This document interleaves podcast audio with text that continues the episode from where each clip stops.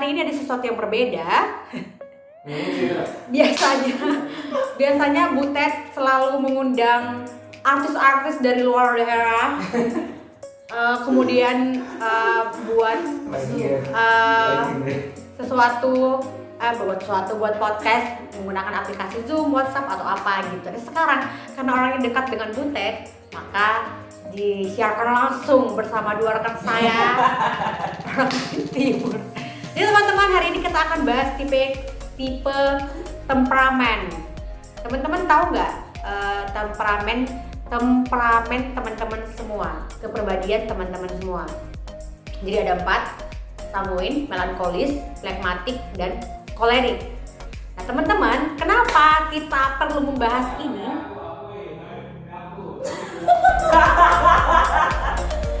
Memanglah.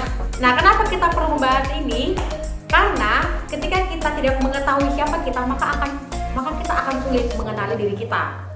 Nah, ketika kita sudah tahu temperamen kita, maka kita akan lebih tahu uh, bagaimana itu pintu kenapa sih? maka kita akan lebih tahu bagaimana kita boleh menerima diri kita, mengenali diri kita, dan setelah kita mengetahui siapa diri kita, maka kita akan lebih mudah bersosialisasi dengan rekan-rekan yang beda kepribadiannya dengan kita. Nah, di sini aku mengundang dua bintang tamu. Yang pertama namanya Siapa ayo? siapa? Siapa ayo? Aku Noel. Noel. Ya, Noel ini pernah juga kuundang di podcastku guys, Immanuel Joel Sumokil yang kayaknya fotonya waktu itu sama mukanya sekarang udah beda banget. Oh, Rambutku gitu udah beda banget, udah panjang banget ini. Oh iya, jadi waktu itu di podcastku bahasnya jomblo, why not? Nah, terus di sebelahku ada namanya Pincer. Vince. Jadi Vince ini uh, uh, she is my age. Jadi dia ini seangkatanku. Terus dia ini Nona Sumba. Dan dia Aduh, Kembang kembang desa. iya harusnya ada lagi guys.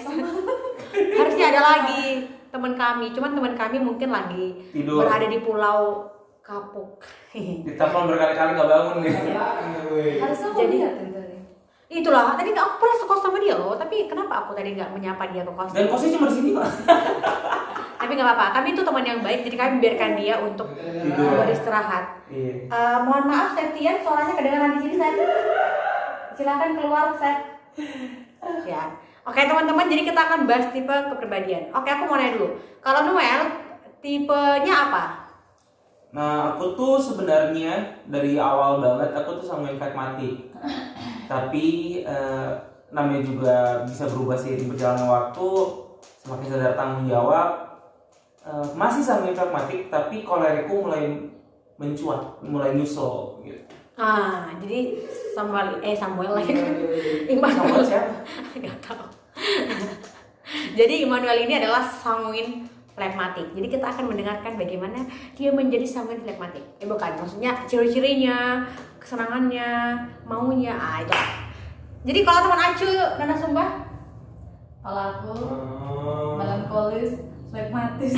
Kayak mana sih? Ya kayak kau. ya.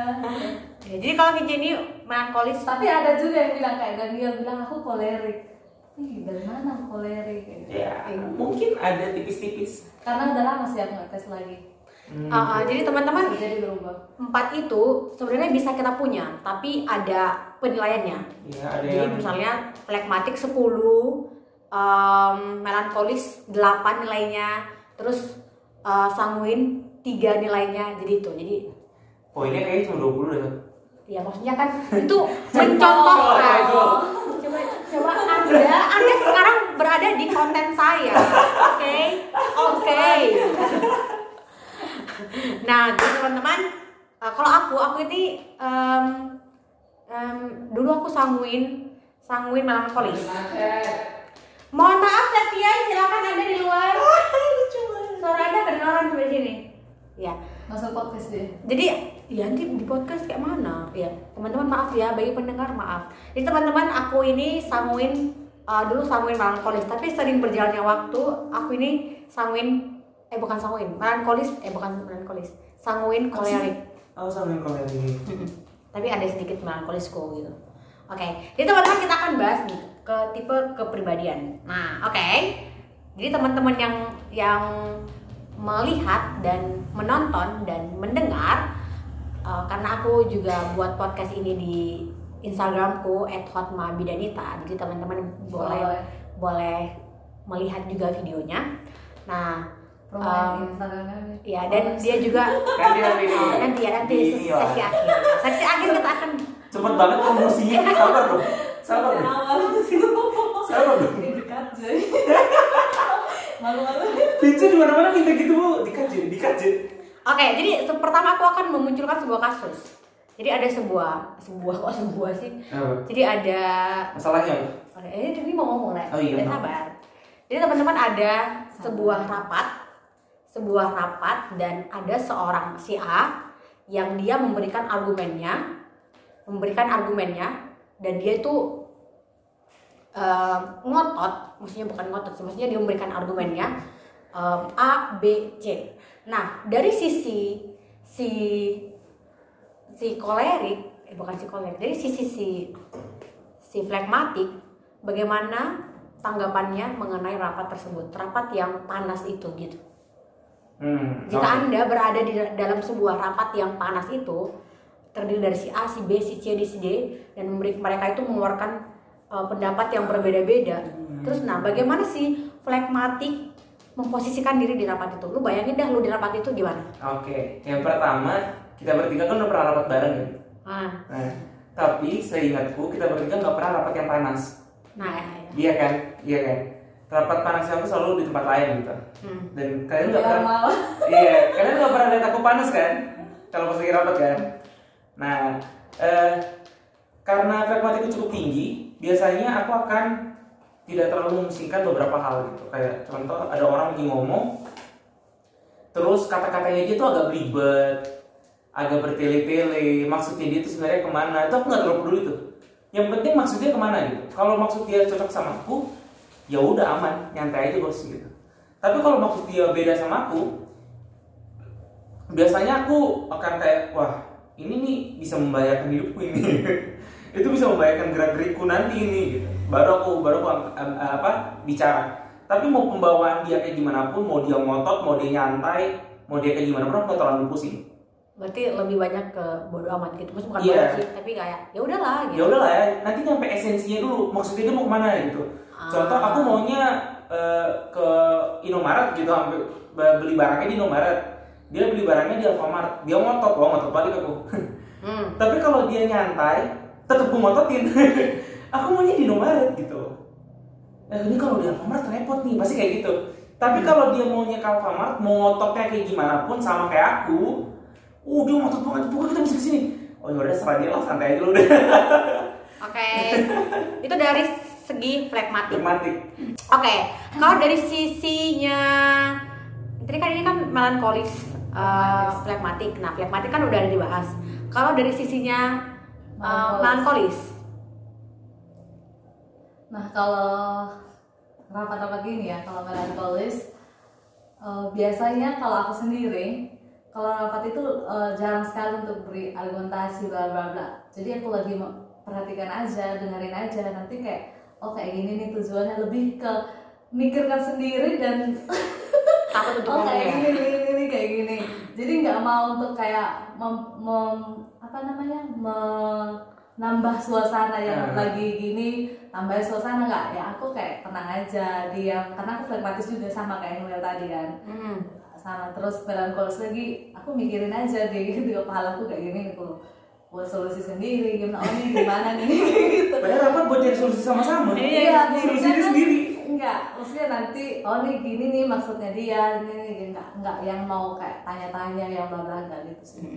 Tapi melankolis itu lebih ke ini kan, Alvin. Apa namanya? Takut ngomong. Maksudnya nanti kalau aku Iya. ngomong itu um, Salah enggak Salah nggak ya, gitu. Jadi kepikiran oh, sendiri. Iya deg-degan. deg-degan Hmm. itu melankolis ya nah kalau aku sendiri itu dari melankolis um, bagaimana dia memposisikan diri di rapat itu jadi kalau aku sendiri ya aku mewakili mewakili Mewakili. aku yang dari kolerik maka aku kalau aku di rapat itu maka aku akan ngomong. Ya. karena nggak sesu- karena kalau misalnya rapat itu nggak sesuai dengan isi kepalaku maka aku akan ngomong. Maksudnya ngomong dan aku akan memberikan argumentasiku. Jadi eh, aku itu eh, cenderung untuk ini loh argumenku tak tak tak nanti urusan diterima ya em, ya belakangan. Tapi Kalau boleh untuk- diterima lah ya. nah, tapi untuk manusia-manusia kolerik kalau boleh pendapatnya itu diterima. karena karena kolerik itu garis kepemimpinannya itu sangat Uh. sangat wow gitu, sangat keras gitu. Jadi kalau sebisa mungkin ya pendapatnya itu diterima. Itu ya. itu garis-garis orang kolerik kayak gitu. Nah, ini untuk si Samu ini. Siapa nih yang mau jelasin si Samu ini? Eh, ya aku aku bisa jawab Samuin karena Harus. Samuinku juga tinggi. Iya. Nah, eh, sebenarnya kalau pragmatik banget itu jatuhnya kayak Vince tadi, kayak aduh oke oke, kita pikir aja nanti lah ya. Udah kalau dia mau begitu ya udah lah ya. Gitu. Tapi karena Samuin, Samuin itu orang yang suka banget tampil ya. Orang yang suka tampil, orang yang tampilnya eksentrik bahkan kayak gini rambutnya panjang-panjang gitu. Terus eh, pokoknya dia dia senang aja gitu kalau jadi pusat perhatian. Nah itu itu yang sebenarnya jadi alasan kenapa akhirnya aku bicara padahal aku pragmatik. Karena ada ada Samuinku. Tapi biasanya si Samuin itu ketika orang ngomong di depan, dia sama teman-temannya dia akan kayak, ih pasti dia ngomong gitu ya. Kita akan ngomongin di belakang dulu. itu tuh kalau ada kalau punya teman-teman kayak begitu pasti dia Samuin. Pasti dia jadi orang yang suka bikin ba- bahan bercandaan di di, di tengah teman-teman. Terus dia yang jadi suara yang paling besar ketika ngobrol gitu. Jadi kayak ada orang ngomong depan dia ngomong sendiri. Ih, pasti ngomong gitu. Eh goreng. ya ampun. Aku tuh Angin angin. aku tuh guys. Kayak orang lagi ngomong masalah Indomaret Alfamart gitu. Ih, pasti dia mau ke Indomaret. Ih, gimana? Ih, mau dia mau ke Indomaret gimana? Jadi sambil itu gitu. iya sampai akan akan berani tampil untuk ngomong tapi banyak kan untuk kayak ah janganlah ke sana lah udah ke sini aja gitu lebih lebih nyantai daripada kolerik kan lebih kayak uh gitu sambil lebih nyantai Iya, jadi itulah dari sisi pandangnya Samuin. Jadi aku juga ada ada Samuinku. Jadi lebih have fun, lebih hahaha gitu guys. Nah itu kan eh, itu kan aku nampilin sebuah kasus ya. Eh, bagaimana bagaimana manusia-manusia ini eh, jika mereka berada dalam sebuah forum rapat itu kayak gitu. Nah sekarang teman-teman kalau misalnya dari kalian sendiri apa sih menurut kalian ciri-ciri dari ciri-ciri dari flekmatik sendiri, ciri-ciri dari melankolis sendiri, ciri-ciri dari kolerik sendiri, ciri-ciri dari sanguin sendiri yang kalian alami. Dan ini berarti ini ini ngomongin berdasarkan fakta gitu loh, Hmm. yang dialami sendiri gitu. Hmm. Oh, satu atau dua aja kayak gitu. Hmm. Jadi teman-teman yang mendengar, teman-teman yang melihat mungkin um, ada gue yang mana nih, gue yang mana nih gitu. Hmm. Silakan yang pertama um, Melkol.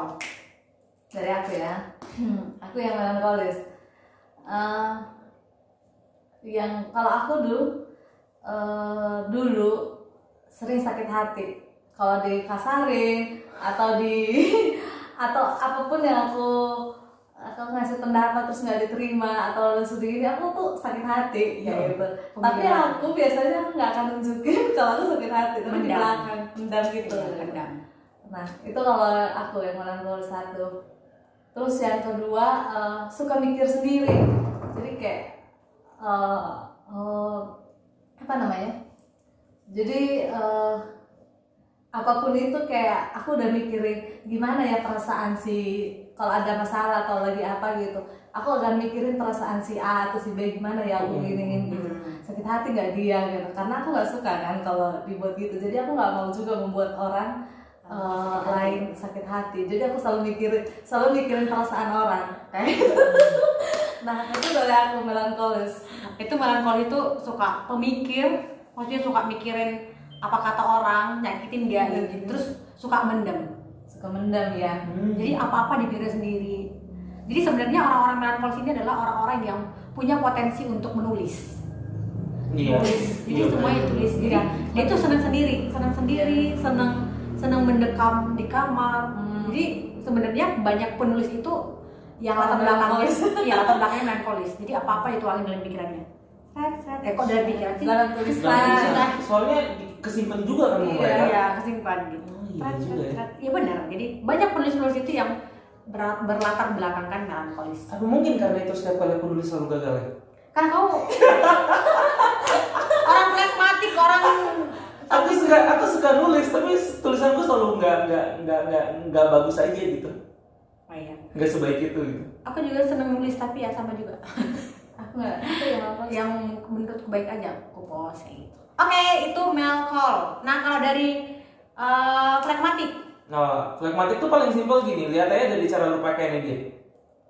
Dia nyantai, dia nggak akan terlalu peduli orang pak, eh, oh, apa dress code-nya apa, dia nggak akan terlalu peduli orang nanti bilang apa. Aku pernah ketemu orang yang lebih flekmatik daripada aku, kami lagi kegiatan sama-sama, dia pakai jaket yang yang yang bolong.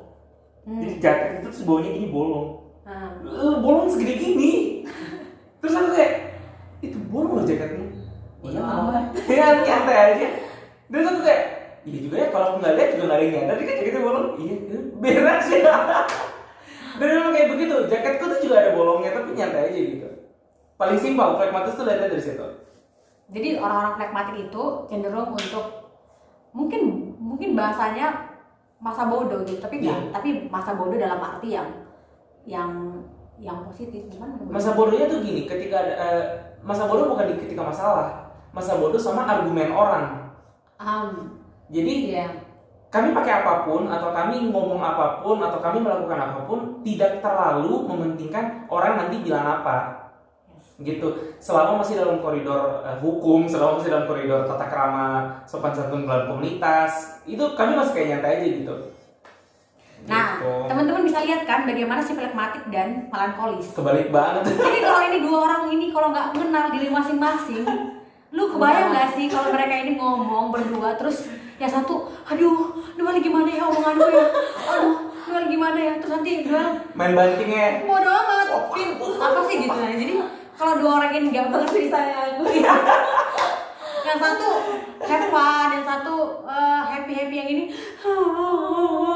jadi kebayang nggak sih kalau mereka ini nggak nggak kenal diri? dan memang biasanya gitu gak sih? Orang-orang melankolis itu paling sering sakit hati sama orang-orang flekmatis Iya. karena apa yang Orang- mereka anggap penting Dia- bagi kami nggak penting. Betul sekali.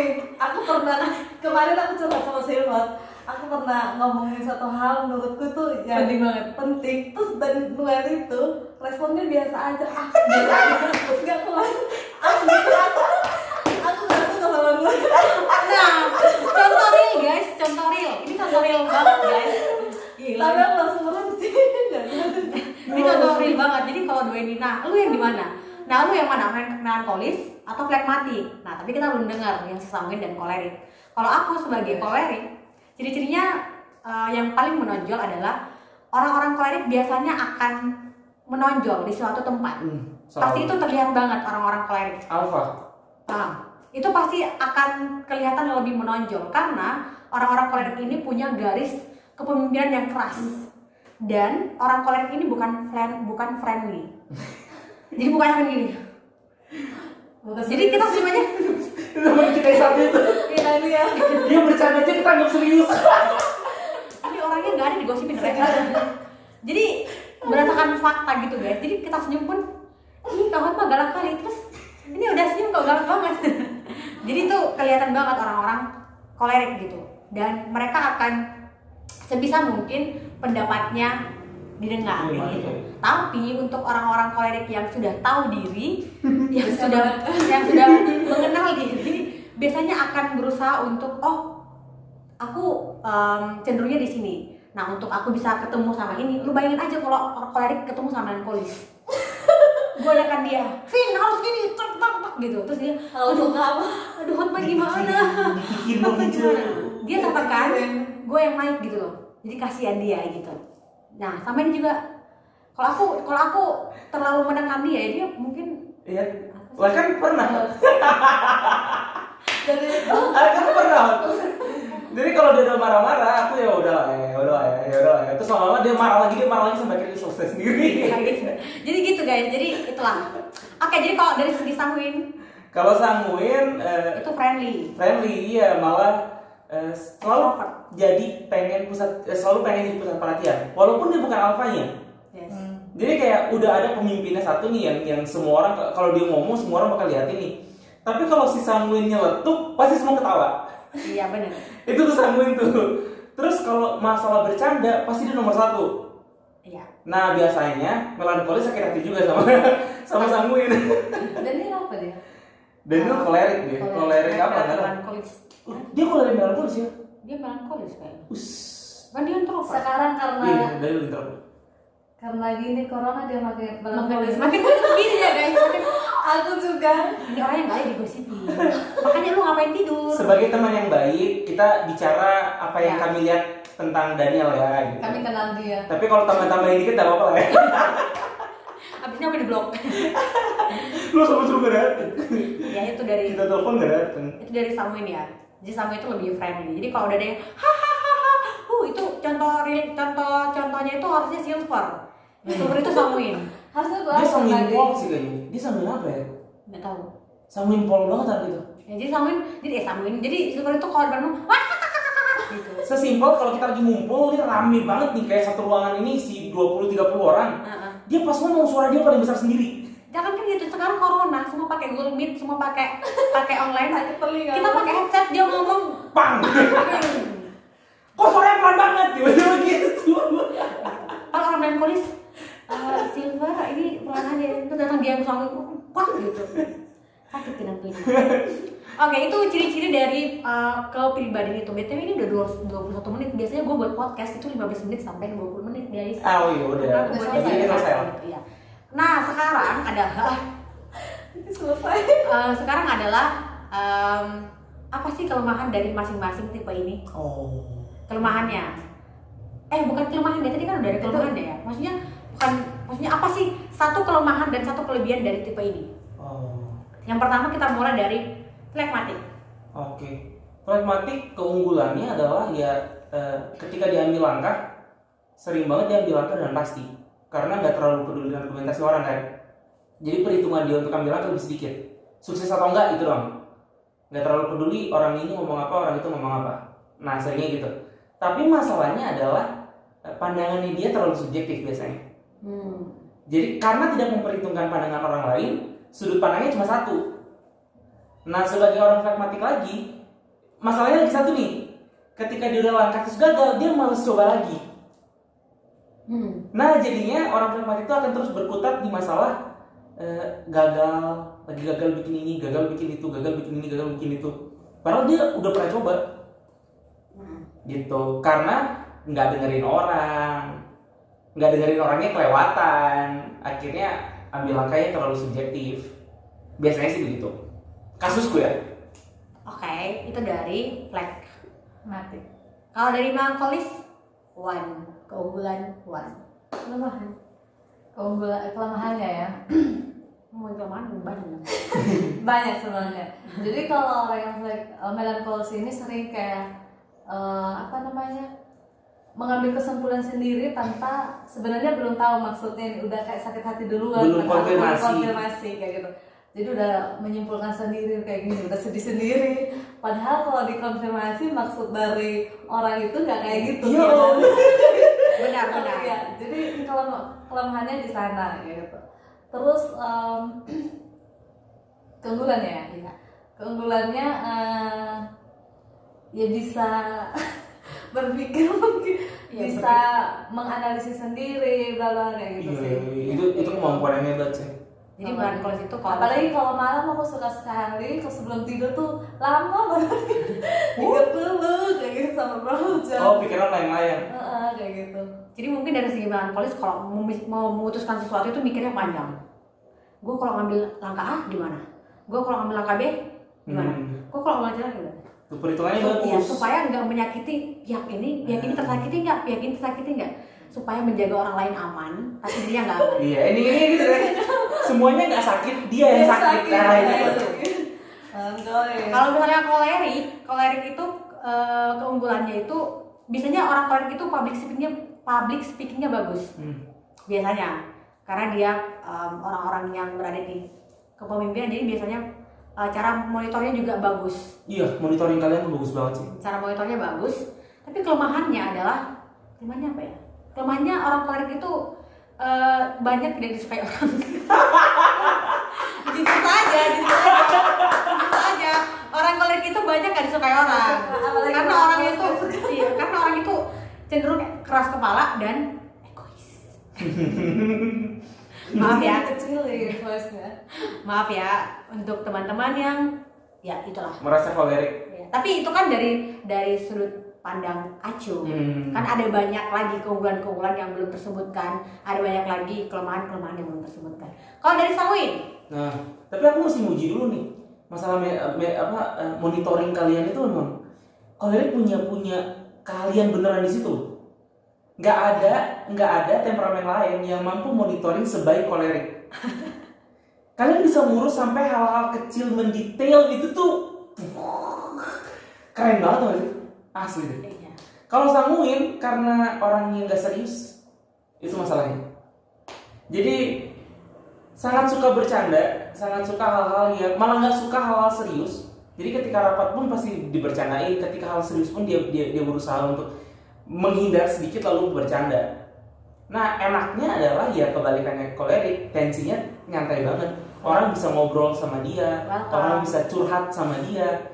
Dia akan jadi orang pertama yang terima orang baru iya cepat bergaul cepat banget bergaul, keterima di hampir semua bentuk komunitas sosial. Ah, Mulai dari anak-anak paling eh, ribut sampai anak-anak paling diem pun dia bisa masuk.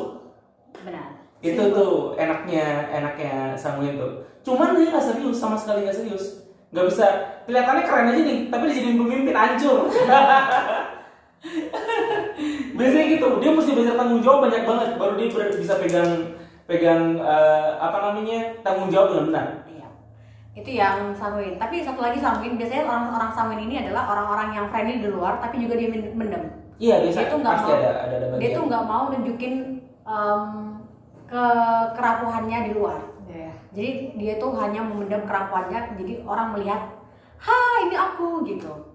Oke teman-teman, jadi itulah em, empat tipe kepribadian sanguin, melankolis, flekmatik, dan kolerik. Kolerik. Jadi mungkin ada beberapa yang mungkin teman-teman gak setuju kali ya, tapi teman-teman bisa belajar lebih banyak lagi di internet karena sekarang kita bisa mengakses banyak hal. Yo. Tapi satu hal yang mau aku bilang dari podcast ini, dari video ini, dari konten ini adalah ketika kamu mengenali diri, ketika kamu tahu siapa dirimu dan ketika kamu tahu potensimu di mana, tahu kelemahan, kekurang, kekurangan dan kelebihanmu di mana, maka kamu akan lebih gampang untuk bersosialisasi dengan orang jenis mana pun.